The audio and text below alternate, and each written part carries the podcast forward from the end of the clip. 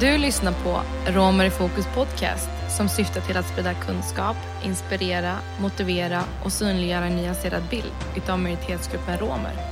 I varje avsnitt kommer ni få möta häftiga gäster som kommer dela med sig utav sina personliga erfarenheter och kunskaper. Jag som leder programmet heter Valera Djipagic och jag hoppas du har gjort dig redo med en kopp kaffe eller te. För nu sätter vi igång.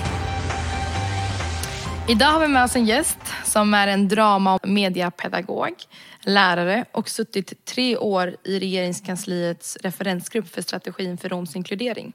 Och hon har också engagerat sig för mänskliga rättigheter och alla likas värde. Vår gäst har även ett brinnande engagemang för att belysa romer och resande folkets historia i Sverige. Varmt välkommen Sandra Englund. Tack så mycket Valeria. Hur känns det att du är här nu? Ja, men jättehärligt, spännande. Tack för att eh, ni vill ha mig här. Självklart, du har väldigt mycket att bidra med. Jag tycker din röst är viktig att belysa. Härligt. Men innan vi kör igång Sandra, så är det dags att få lära känna dig med tre snabba frågor. De reglerna de är ju enkla. Eh, Du har 30 sekunder på dig. Jag kommer ställa en fråga och du ska svara så snabbt du kan. Eh, Är du redo? Får man säga pass? Eh, Vi har bara tre frågor, så nej. Du får göra ditt bästa. Jag tror du kommer klara det. Eh, Så jag tänker att vi börjar med nummer ett. Kanske lite klurig fråga, men vilket län tillhör Trollhättan? För du är i Trollhättan just nu.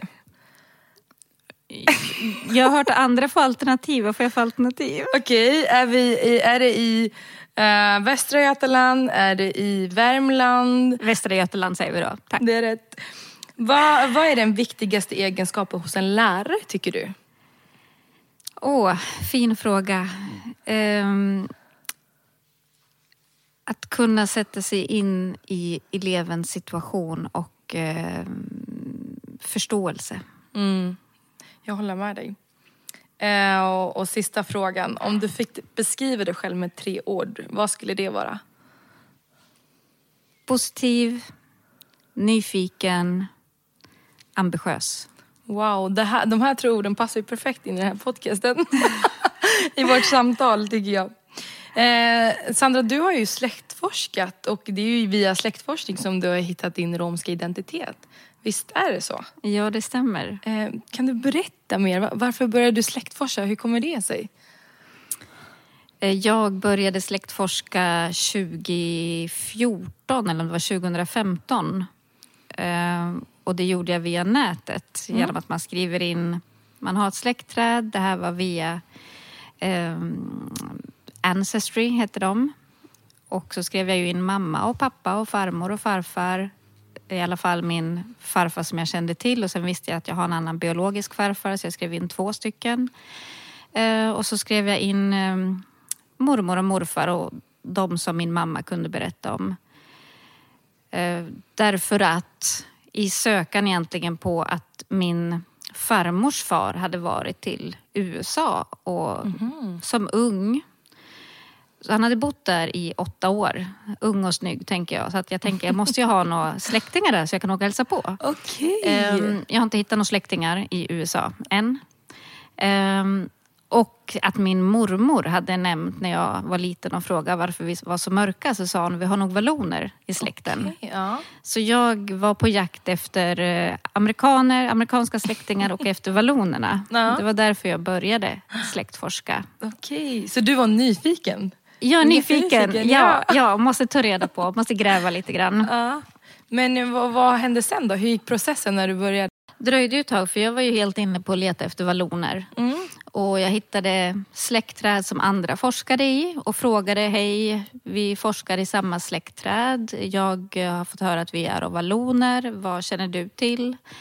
Eh, Ganska snart så fick jag svar att eh, jag släktforskar i resande släkter. Okej. Tattare sa man förr, vilket är ett kränkande ord idag som inte används längre. Så du kan möjligtvis ha resande. Och jag visste ingenting om det. Mm. Vadå resande? Vadå romer? Vadå? Jag Mm. förstod ingenting. Så att det, I och med att jag inte hit, kom något längre så bestämde jag mig för att släktforska med DNA. För jag hade börjat hitta lite sånt på nätet också i Facebookgrupper. Mm. Så till slut så vågade jag eh, svabba mina kinder på insidan och skicka iväg det där testet. Och det var först efter att mamma hade hittat foto på vinden. Ja. Ehm, och frågade, är det här din kopparslagare? För då hade jag sett i släktforskningen att det var en And Nilsson från Christiania som var kopparslagare, resande kopparslagare. Och då frågade, frågade min mamma om då det här skulle vara den här And Nilsson. Och hur sjutton ska jag veta om det här fotot stämmer överens med det namnet? Jag har ju Ja. ingen aning. Och då blev jag mer, ännu mer nyfiken och då kände jag nej, men nu måste jag, nu måste jag få det här fotot identifierat. Kan det här vara And Nilsson? Ja. Kringresande kopparslagare från Christiania. Men vem var And Nilsson? Nu hänger jag inte med. And Nilsson, det är ju Var ett namn en- i mitt släktträd som jag hade Jaha, hittat. Men okej. Nilsson låter ju inte vara så mycket vallon. Ja. Nej. Då, Okej. eh, så att det var, då tog jag modet till mig och skicka in det här testet. Mm. Och sen när man får tillbaka resultatet så får man ju ett antal namn på en matchningslista. Ja. Och de är rangordnade utifrån hur mycket DNA man har gemensamt med de här personerna. Så det är nu levande personer som jag delar DNA med, som jag alltså är släkt med. Till slut fick jag då tag på en person som låg högst upp på min lista. Och det visade sig vara min farfars kusin. Okej. Eh, Och då min alltså biologiska farfar som jag aldrig har träffat och min pappa heller aldrig har träffat. Och han berättade att han var av resande. Men och, hur- och, och sen så sa jag, hade ju hittat och jag hade ju lärt mig hur man kollar. Jag hade ju hittat den här personen att han var släkt med min mamma. Så jag sa, "Nej, fast det stämmer inte. Du kan inte vara släkt med min farfar därför att du är släkt med min mamma. Ja, men vad heter hon och vad heter hennes föräldrar, mor och farföräldrar? Ja, men jag är släkt med dem också.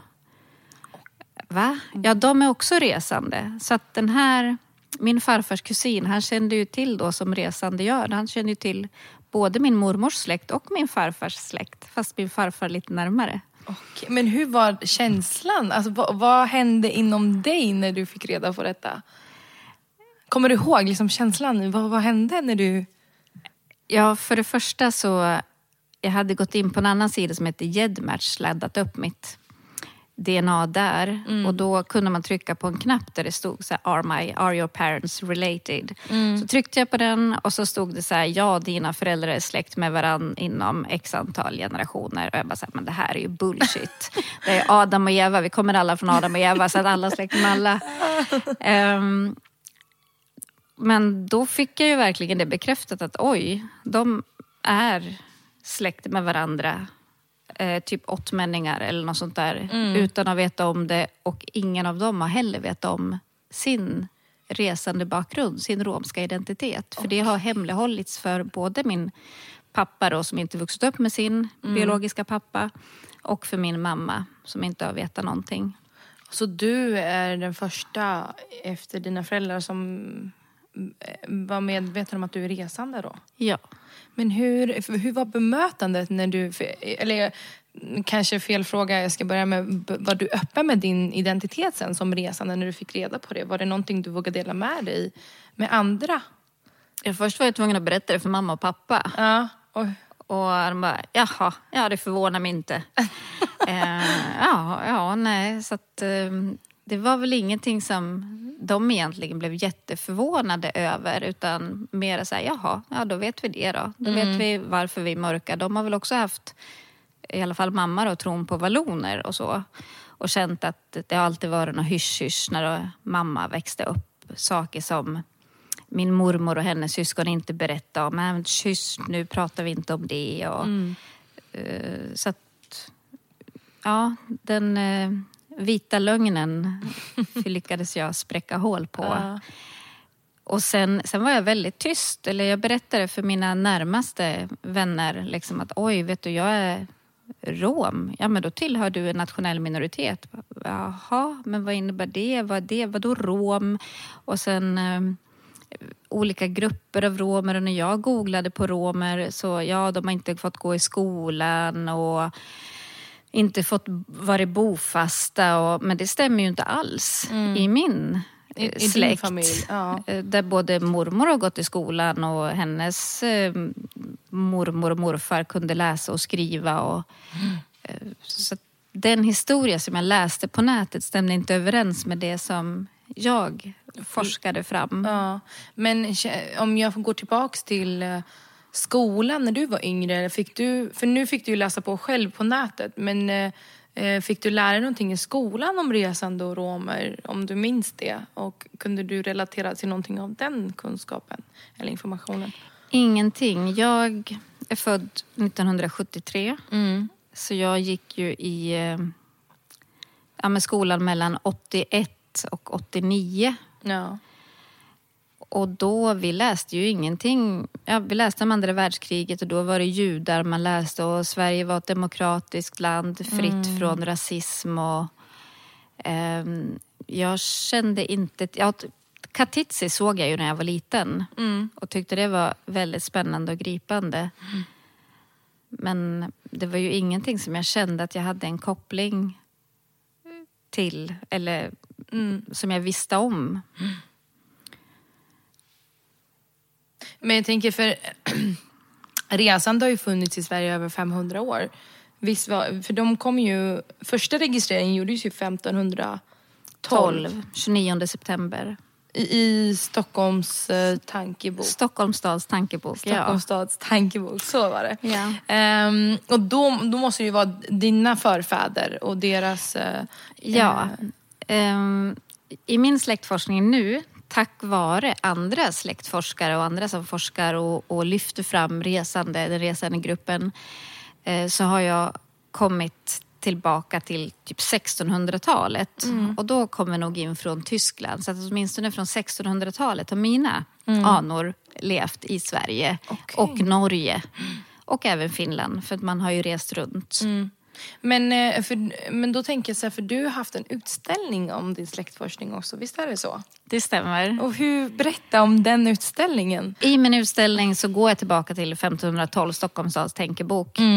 Men i mitt släktträd som jag... Utställningen heter Om ett enda liv. Och det... Självklart är det mitt liv. Ja. Men eh, det här är ett fysiskt släktträd som jag gjort som en mobil. Så att det är min mammas gren på ena sidan och min pappas gren på andra sidan. Men vad, vad, när du har den här utställningen om släktforskning, vad är din tanke eller vad är syftet med självaste utställningen? Är det att kunskapshöjande insats eller vad, hur tänker du när du med, eller vad är tankarna kring Så, som pedagog så, och, och som konstnär. Som konstnär vill jag ju skapa, vara kreativ. Som pedagog vill jag också upplysa eh, om sanningen. Den Ja. sanning som jag inte, eller den historia eh, som jag inte fick läsa. Jag Mm. fick läsa en subjektiv historia, ett val av historien. Medan nu vill jag lyfta en annan del av historien där just titeln om ett enda liv, om ett enda liv hade drabbats utav att eh, blivit dödad eller utvisad, vilket många blev. Eh, deporterade till Pommern och Sachsen. Och om de inte hade kommit tillbaka eller om de inte hade träffats så hade jag inte funnits. Och extremt många med mig hade inte funnits. Om ett enda liv hade blivit steriliserat tre år tidigare eller hur det nu har varit så hade jag inte funnits. Ehm, så att jag är otroligt tacksam för att jag lever och jag har resande både på min mammas och pappas sida. Jag tycker det är så, intress- eller det är så viktigt det du lyfter, alltså Sveriges mörka historia som vi kommer gå in snart in på och det som du nämnde, steriliseringslagarna som tillkom till Sverige och där många resande blev drabbade. Och, och vi kommer gå in på det alldeles strax men jag tänkte fråga dig, tror du att det är många resande som kan relatera till det som du har gjort? Att du har upptäckt din romska identitet längre, eh, längre in i livet, alltså i senare år? Eh, och börjat släktforska och ta reda på sin härkomst. Ja, för det första så är jag ju helt övertygad om att om jag hade det här dolt för mig på två sidor så är det många som har det dolt minst på en sida. Så jag tror att vi är ett stort antal svenska medborgare som har vårt ursprung bland det resande folket utan att veta om det. Till exempel så var det, fick jag ett telefonsamtal av en kvinna som frågade om det var jag som var Sandra Englund som hade varit med på Malou efter tio där jag Mm. visade en bild på den här kringresande kopparslagaren. Och då så säger hon, det är min farfars far. Oj! Så det här är alltså en fyrmänning till Ja. mig Ja. Då, som vi säger norr om Dalälven, fyrmänning, syssling, second cousin eller vad man nu... Ehm, det är väldigt många som Mm. upptäcker, som har fått höra kanske något svävande om valloner eller italienare eller... Mm. Men du har använt ordet valloner flera gånger. Vill du berätta för våra lyssnare om det, vad vad en vallon är för någonting? Ja, nu var det inte det som blev så intressant för mig så jag har inte läst på så mycket. Men valloner kom till Sverige som arbetskraft och, och var just eh, smeder, jobbade på bruken. Vi har ju många bruk kvar mm. i Sverige där de jobbade. Och att vara vallon, det har ansetts som fint att ha en droppe vallonblod om man är lite mörkare. Det har setts, alltså efter kungligt så är det valloner typ. Men är valloner under begreppet resande och romer också? Eller är det någonting annat? Valloner, no, de har inte nationell minoritetsstatus. Eh, och de, eh, de är väldigt kända släktnamn. Mm. Eh, men det har inte alls med romer att göra. Okej. Visste du att år 2014 presenterade regeringen en vitbok, Den mörka och okända historien. En vitbok om övergrepp och kränkningar av romer och resande i Sverige under 1900-talet. Syftet med vitboken är att ge ett erkännande åt offren och deras anhöriga och skapa en förståelse för den romska minoritetens situation idag. Vitboken innehåller en rad olika områden där romer utsätts för övergrepp och kränkningar av svenska staten. Och eh, Sandra, precis som vi hörde så eh, vitboken innehåller ju fakta om övergrepp och kränkningar mot romer och resande. Ja. Ja, och du känner ju till vitboken. Ja. Ehm, Men innan vi djupdyker i eh, vitbokens roll i dagens samhälle så tänkte jag läsa upp ett litet citat från vitboken. Och så här står det, jag citerar. Syftet med vitboken är att ge ett erkännande åt offren och dess anhöriga och skapa förståelse för den romska minoritetens situation idag genom att i ett historiskt sammanhang belysa de övergrepp romer blivit utsatta för och hur stereotyper och fördomar vuxit fram och levt vidare från generation till generation samt hur dessa har fått ligga till grund för den statliga politiken. Jag slutar citera. Så Sandra, hur ser du på vitboken och dess innehåll och eh, betydelsen av att man har skapat en vitbok? En vitbok. Eh, jag kommer sticka ut hakan lite här. Eh, men en vitbok det är ju bra för det är ju liksom ett erkännande av förövaren. Vad förövaren har gjort. Eh, Samtidigt så är det förövaren själv som skriver vitboken. Det vill säga om man skulle jämföra det med en våldtäkt som också är ett övergrepp så är det alltså förövaren själv som skriver händelseförloppet och så. Ehm, självklart har även resande och romer eh, varit behjälpliga i den här skriften. Ehm, men jag skulle ju hellre se en oberoende sanningskommission för det här. Det skulle ju kännas mera rättvist. Ehm, Och vad skulle det innebära om vi får förtydliga det för våra lyssnare?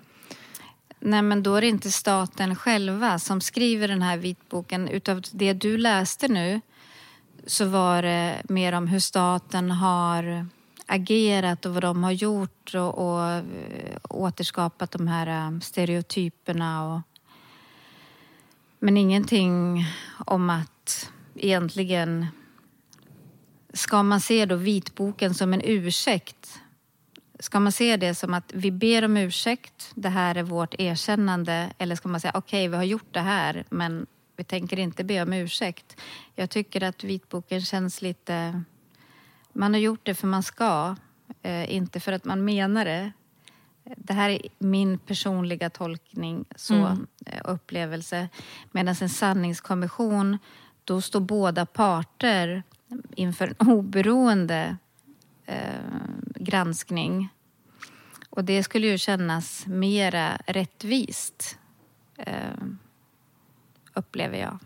Men hur tyck, tror du att vitboken har haft någon roll i dagens samhälle? Att man ändå har gett ett erkännande. Tycker du att det har spelat någon roll i dagens samhälle? Eh, bland resande och romer och också icke-romer?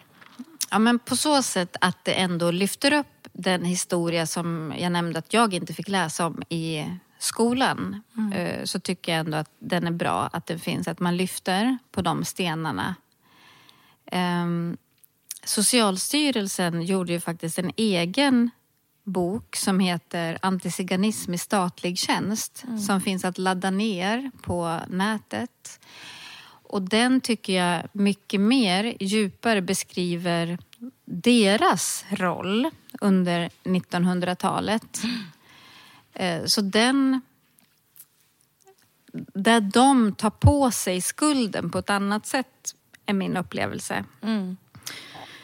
Um, så, den, så att hade det inte varit för att man hade börjat lyfta den här vitboken så kanske det inte hade blivit någonting alls. Så mm. självklart är det jättebra. Mm. Men jag kan se det som en början kanske. Mm. Mm. Att samerna, det behövs mer? Ja, samerna har ju sitt sameting och de har ju jobbar ju för, och även tornedalingarna jobbar ju för en sanningskommission och det tycker jag är väldigt bra. Så jag tänker att vi som romer kan se dem som förebilder och försöka hålla i, mm. hänga på. Och, och sen också en annan sak om vitboken.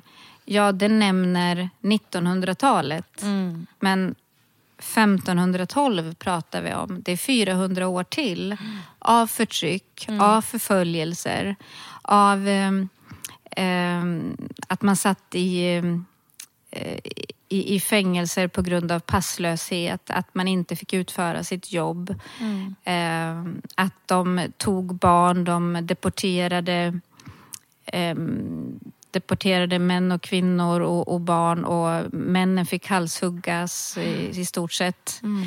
Eh, och övriga bondebefolkningen som hjälpte eh, som man då sa tatarer, zigeuner och så vidare eh, kunde bli, eh, ja men få um, böter. Mm.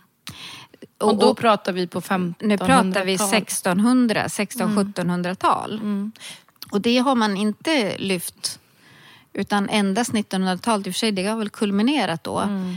med alla registreringar och tvångssteriliseringar och Mm. Ja precis, för det var det jag tänkte fråga dig. Du sa den historien jag aldrig fick ta reda på, det som står inne i vitboken. Eh, den här mörka historien. När du säger det, vad menar, eller vad tänker du? Du har precis nämnt sterilisering och tvångsomhändertagande av barn och så vidare. Men vill du eh, berätta mer om vad du tänker när du säger den historien? Men till exempel rasbiologi, ja, nej, men jag ras. tänker att eh, för min del, jag ser inte så konstigt att man valde att vara tyst om eh, sitt ursprung utan att det är ren överlevnadsinstinkt och kärlek till sina barn och mm. kärlek till sin familj. Eh, min mormors mormor så blev hon fotograferad i Rasbiologiska institutets samlingar. Mm. Så i det finns ett album som heter Zigenare och tattare. Mm. Och där finns hon med och övriga i min släkt finns med där. Och det var, den fotograferingen tror jag skedde 1924. Samtidigt som man började tvångsomhänderta barn. Eh, man fick ta dem enbart för att man ansåg dem vara tattare. Mm. Um, Men hur kunde staten legitimera det beteendet under den tiden? Alltså, hur, vad kunde argumenten vara för att omhänderta ett barn? Uh, I och med Rasbiologiska institutet så ansåg man ju också att um, brottslighet till exempel var mm. ärftligt betingat. Mm. Så kriminalitet föddes man in till att bli kriminell som tattare så ansågs man sen, man gjorde om de här steriliseringslagarna också från att enbart skulle vara rashygien till att ta bort även oönskade element och då gick, eh, som man, kallade man resande för asociala. Eh, och asociala kan ju heller inte ta hand om sina barn. Eh, Och då, man säger ju tvångssteriliseringar men att de var tvungna att skriva på. Men ansågs man som asocial och inte skrev på så fick de eh, sterilisera i alla fall. Eller så sa de antingen så får du behålla dina barn och vi steriliserar dig. Eller så eh, tar vi dina barn. Mm. Jag vet även vissa fall där man faktiskt har blivit lurad till sterilisering. Där man har påstått att det var någonting annat, blindtarmen. Mm. Ehm, andra kvinnor med många barn eh, ansågs slösaktiga eh, så att de blev steriliserade därför. Ehm, Så utan att de var medvetna om det? ehm, jag kan I inte vissa uttala- fall, jag jag. kan, ja, alltså Vissa kvinnor blev ju steriliserade utan att veta om att det var det de blev. Mm. Jag blir ju helt... Jag tappar orden när jag lyssnar på det här. Det är inte långt tillbaka i historien, det är ju 50-60 år sedan. Min mamma föddes 1950 och det var väl då som jag tror att steriliseringarna kulminerade. Mm. Men den pågick ju fram till 76. Mm. Och för att förtydliga, när man steriliserar någon, det innebär att man inte kan få barn. Eh, Exakt. Man Så det här var bort- ett sätt då för svenska staten att... Att ta bort oönskade element, att, att, eh, att renodla den svenska rasen, den nordiska rasen Precis. från främmande element där då eh, romer eh, resande ansågs vara oönskade element i den svenska folkstammen. Och det här fördes ju kommunikation mellan Sverige och Tyskland om rasblandningar. Så att den här steriliseringslagen den utökades ju efter Nürnberglagarna. Nürnberglagarna i Tyskland som förbjöd eh, tyskar att eh, skaffa barn och gifta sig med judar. Ehm, och sen så afrikaner och romer, men där använder man ju andra ord då som Du sa att din mamma... Du nämnde din mamma. Ja. ja. Jag nämnde henne för att hon var född 1950 mitt under- när eh, steriliseringarna låg på topp. Så jag är ju glad att mormor lyckades få min mamma. Hon var bara 16 år när min mamma föddes, så hon var ung. ja. Eh, men eh, när är det jag tänker, 44. Alla som var född 44 och före det, de finns ju även med i den så kallade tattarinventeringen. Mm.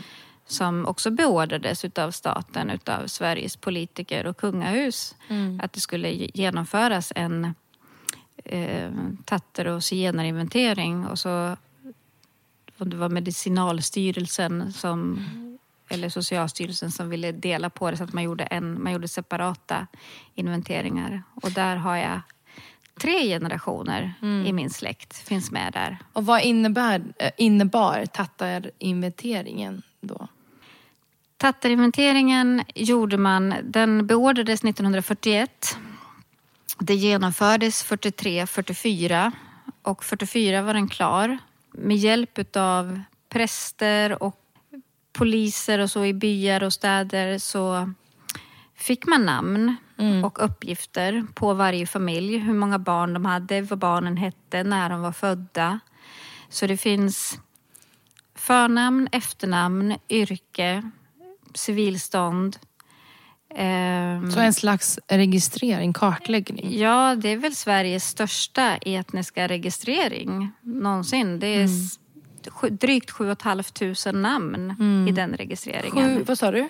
7 och ett halvt tusen, jag kan inte den exakta Ja. siffran, men mellan 7 och 8 tusen namn finns i den registreringen från 1944. Och det mest tragiska är att den ligger i ett arkiv idag. Som man kan gå och titta i. Mm. Har du gjort det? Ja. Där finns min, eh, min mormor. Finns med. Förnamn, efternamn, födelsedatum. Min mormors föräldrar finns med. Mm. Min mormors mormors.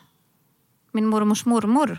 Mm. Eh, familj, man och barn finns med. Och likaså på min farfars sida. Det var ju 1944 och eh, den svenska kungen var ju väldigt, eh, hade ju nära kontakt med Tyskland.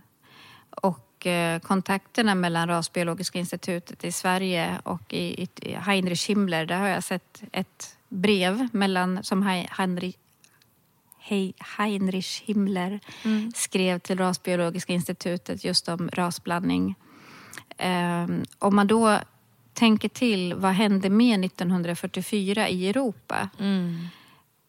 Så tar vi då elimineringen utav romerna i Auschwitz. Mm. Um, så tack gode gud att kriget tog slut. Mm. Men vi ska ja. också komma ihåg att även fast Sverige hade vita bussarna och, och räddade judar mm. så hade Sverige också ett inreseförbud mot romer. Mm. Så romer, det vill säga som man då kallade dem, eh, zigenare, fick ju inte komma ombord på de här bussarna. Mm. Sa man att man var rom så fick man inte komma åka med bussen för då fick mm. man inte åka in i Sverige. Mm. Att det blir en, så, en tragik i det hela tycker jag. Ja, men, och där har vi också det här osynliggörandet som jag menar, min historiebok, man osynliggjorde det man gjorde mot romerna. Man osynliggör romerna i eh, andra världskriget och även idag tittar vi bara på Förintelsemuseet som vi pratar om. Mm. Förintelsemuseum Alltså det är vidrigt det som har skett oavsett härkomst. Men vi ska komma ihåg att 3000 romer avrättades, gasades ihjäl enbart mm. för att de var romer. Mm. Eh, och många fler hade ju blivit dödade längs vägen och tvångssteriliserade och soldater som inte helt plötsligt fick utföra sina tjänster för att de skulle helt plötsligt åka in i lägren själv. Mm. Um, men när du sa 3000, då refererar du till den här natten, eller? Ja, då refererar jag till Auschwitz i Tyskland då, när ja. de gasades ihjäl. De sista, Roma och Sinti. Mm. Men mm. vad jag förstår rätt så finns det en, eh, en okänd siffra såklart. Att det är fler än 3000, alltså i, jag tänker under hela världs, andra världskriget. Ja. När vi ändå pratar om det nu. Den eh. siffran kan du säkert mycket bättre men den är väl också okänd hur många ja. romer som faktiskt eh, dödades. Mm. Nej, jag vet inte eh, siffran men jag har hört allt ifrån 250 000 till en miljon till ja. två miljoner. Jag, jag vet inte vad det är för siffra men jag kan tänka mig att den är mycket högre än vad vi tror. Absolut, um, självklart. Tänker jag också. Men det, jag, det som jag tänker på nu när vi pratar om historien, den mörka historien. Nu finns ju en vit bok men samtidigt så um, jag gick ju i skolan här i Sverige, jag är född och uppvuxen i Sverige. Men jag känner inte till den här historien, eller jag kände inte till den historien innan jag själv började läsa på. Uh, och jag känner i skolorna idag, så, så, så, som precis som du nämnde, det osynliggörs romernas historia eller Sveriges historia om romer och resande. Och hur ser du på detta? Och speciellt också för att du arbetar som lärare. Men jag tycker man ska lyfta på sin egen matta innan man eh, liksom börjar dels kasta skit på, på andra. Liksom, jag tycker... Jag tänker att det dröjde lång tid för Tyskland också att eh, erkänna mordet på romerna. Ehm, men det har de gjort och med det ett monument. Ehm, det är åtminstone att visa ett erkännande eh, över vad man har gjort. Um, och det tycker väl jag också ska lyftas liksom i... Ja, men vi har ju fått börja läsa nu i alla fall vad jag har sett i gymnasieböckerna om Rasbiologiska institutet och sådär. Eh, och det är, ju, det är ju bra att man absolut inte tar bort nationella minoriteter från Skolverket och, och mm. mål, kursmål. Därför att det vi kommer aldrig kunna förändras som svenskar om vi inte vet vad vi tidigare gjort. Vi kommer bara fortsätta återupprepa och inte veta varför man gör saker som man alltid har gjort. Mm. Den svenska propagandan har väl aldrig varit så stark som under andra världskriget. Liksom svensk kultur, hur bra den är och man... Eh, ja, hur, hur, man lyfter den. Alltså vi blir ju nationalistiska. Man ser ju om sitt hem, man blir ju mera kärvänlig i tuffa tider. Mm. Så jag tänker att om vi inte vet vad vi har gjort tidigare, hur ska vi då kunna göra annorlunda för att inte falla tillbaka i samma fotspår? Liksom? Mm. Men också för att förstå eh, eh, dagens situation. Jag menar för att för, om man inte vet historien om hur romer och resande har haft det genom tiderna så kan man inte heller göra kopplingen till varför det ser ut som det gör. Alltså de strukturer som finns i vårt samhälle. Men jag tänkte fråga dig, hur har det varit för dig som resande med den historien, den mörka historien att ni inte fick tala ert språk och att du har liksom kommit på din romska bakgrund. Är det, är det en direkt konsekvens skulle du säga av assimileringspolitiken från den svenska sidan mot romer?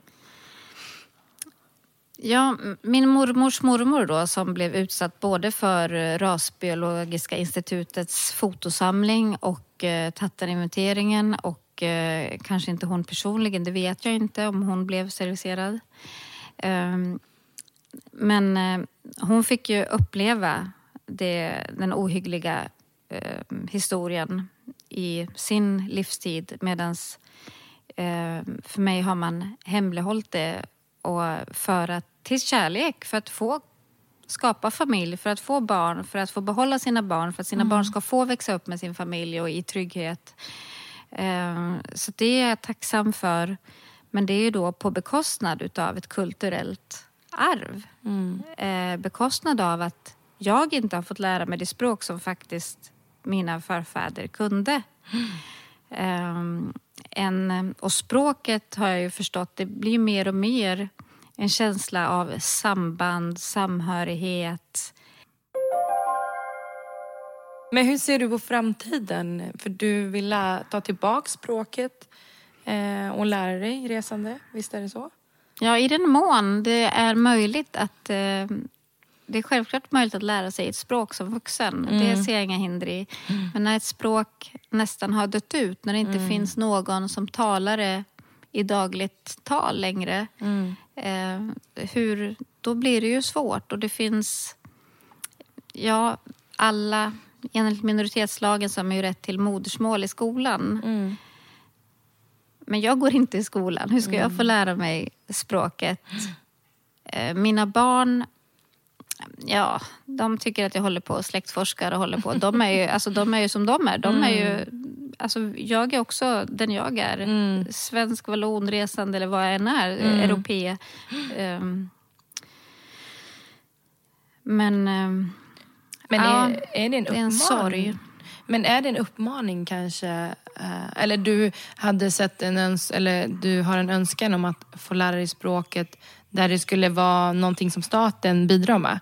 Att man skulle ha språkkurser eller liknande i resande romani. Ja, men det jag ser idag, det är väl att de som faktiskt kan och har fått växa upp med språket. Jag har ju yngre släktingar som faktiskt kan språket, som har fått växa upp med det. Mm, mm. Eh, och att de som gör det, jag tycker att de skulle få en betald utbildning. Eller liksom, de skulle få skyhöga löner för att bli hemspråkslärare. Mm. Sen ser jag inte att prio ett är att man ska vara legitimerad lärare. Mm. Utan prio ett är att du faktiskt kan ha vuxit upp med språket. Mm. Um, att man satsar på de som kan, de som har vuxit upp med språket. Man satsar på dem idag för att de ska, åtminstone de som växer upp idag och vill lära sig modersmål. Det borde vara tvång, nej, för att lära sig sitt nationella minoritetsspråk. Um, nej, men så att det kan finnas en chans för överlevnad för att ja, jag har väl en känsla av att jag kommer aldrig få lära mig det fullt ut, så är det. Mm. Och du har en rädsla för att det språket kommer dö ut? Ja, men det är ju min största farhåga om man inte satsar idag. Mm. Alltså, det är ju verkligen prata en uppmaning till alla som lyssnar. Mm. Oavsett, oavsett om man så är eh, finsk eller fransk eller spansk. Mm. Prata era olika språk hemma. Mm. Barnen kan bli tvåspråkiga. Mm. Man kan ha två modersmål. Eh, det är klart att det ena blir starkare förr eller senare. Mm. Men att man faktiskt har språket med sig. Nej, men jag håller med dig. Jag tror att språket är en jätteviktig eh, verktyg för att, för att kunna känna samhörighet eller eh, alltså komma in i en grupp på ett helt annat sätt. För till exempel när man pratar engelska då kan man nå ut så himla brett ut vart jag än i världen går kanske ungefär. Ja. I alla fall vart jag än i Europa går så mm. kan jag ju tala engelska och ändå komma in i gruppen. Mm. Eh, mycket lättare än att tala svenska med dem och de mm. inte är svensktalande. Nej. Så att jag, jag håller med dig, det är jätteviktigt att tala ett språk om man har möjligheten till den. Och speciellt om man har någon i, runt omkring som kan ett språk och kan lära en. Eh, så jag håller med dig där, verkligen. Och jag som talar romani, jag är ju otroligt tacksam för att mina föräldrar har talat romani hemma. För det har ju givit mig en, en Alltså det gör ju någonting med mig att jag kan prata språket och kan prata med en annan rom som kommer kanske från en annat land i Europa. Mm. Eh, och jag är jätteledsen för att du har blivit ifråntagen den möjligheten. Och inte på, du har inte blivit ifråntagen av dina föräldrar utan av svenska staten och de strukturer som har funnits i samhället. Det, det var det jag skulle säga. Men förlåt, nu hoppar jag då. Men att min mormors mormor hon eh, har blivit utsatt för det här förtrycket medan jag är en konsekvens av svensk assimileringspolitik. Mm. Eh, så att vi är många konsekvenser, liksom många resultat utav det som inte vet om varken sitt ursprung eller sitt språk. Mm. Så att ja, jag känner mig fråntagen och eh, jag skyller faktiskt politiken, mm. svenska staten och kungahus på det här. Deras agerande mot mina förfäder har har ju gjort att de inte har kunnat vara de de är och mm. få vara stolta för de är. Mm. Utan trycka ner och trycka undan och hemlighålla. Och... Mm.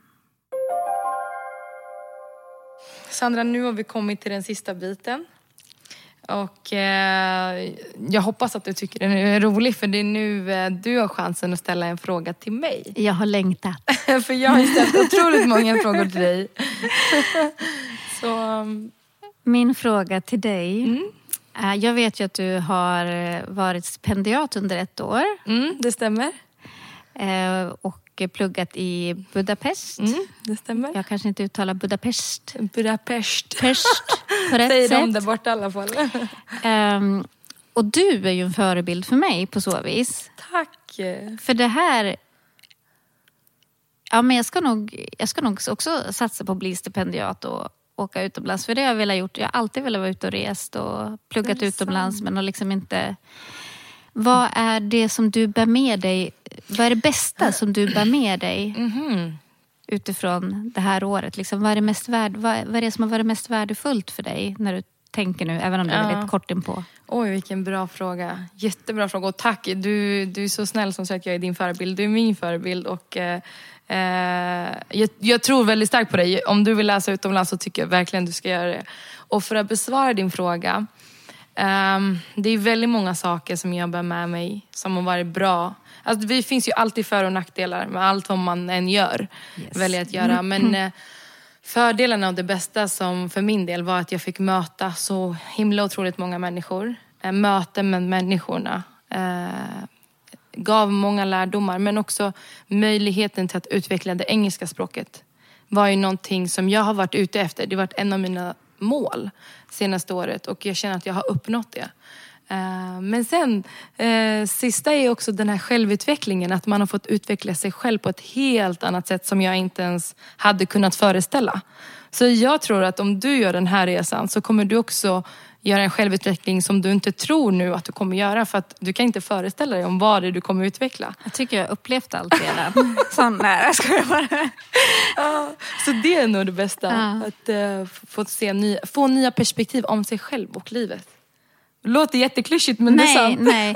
Har du haft, i och med det, har det varit, haft mycket kontakt med romer, europeiska romer? Har det varit liksom en av grejerna eller har det bara varit en Eh, Eh, har det varit en huv ett huvudsyfte med det här året? Är min fråga också. Ja, eh, alltså självaste utbildningen som jag gjorde, den är ju bara riktad till romer. Så för att få stipendiet så måste du identifiera dig som rom. Och eh, alla som gick i min klass var ju romer. Men det som också är fantastiskt, eller var fantastiskt, är ju att man möter romer och sen kanske man hamnar i ett annat sammanhang där man möter andra romer. Och så icke-romer också. Jag har, inte bara, jag har inte bara mött på romer utan icke-romer också. Men, men det är ju en väldigt eh, väldigt många romer från Europa som jag har stött på där. Och det är faktiskt fantastiskt för att man har också fått se eh, de här olikheter och likheter i, inom de olika romska grupperna. Så tänk dig en rom som bor i Sverige och en rom som bor nere i Serbien eller i Ukraina eller whatever. Vi kan ändå föra några ord på romané med varandra och det är ju någonting jättefantastiskt. Mm. Och sen finns det ju såklart skillnader också. Eh, saker som skiljer oss åt. Eh, men det tror jag kanske har med att vi är olika individer. Det tror jag också. Så tack Sandra jättemycket för dina fantastiska frågor men också tack för att du kom hit och delade med dig av din historia och eh, också de här tunga, tunga och mörka delarna av Sverige som jag tycker är otroligt viktigt att få belysa och synliggöra. Och jag är jättetacksam att du just kom hit och ville synliggöra det i den här podden. Tack så jättemycket Valeria för att du ville ha mig här. Tack. Tack för att ni har lyssnat på detta avsnitt. Eh, podcasten görs i samarbete med Studieförbundet Vuxenskolan Väst och föreningen Promoting Youth Inclusion eh, och är finansierad av MUCF. Ljudtekniker är Paolo Lira och jag som lett programmet heter Valeria Djupagic. Glöm inte att lyssna på nästa avsnitt.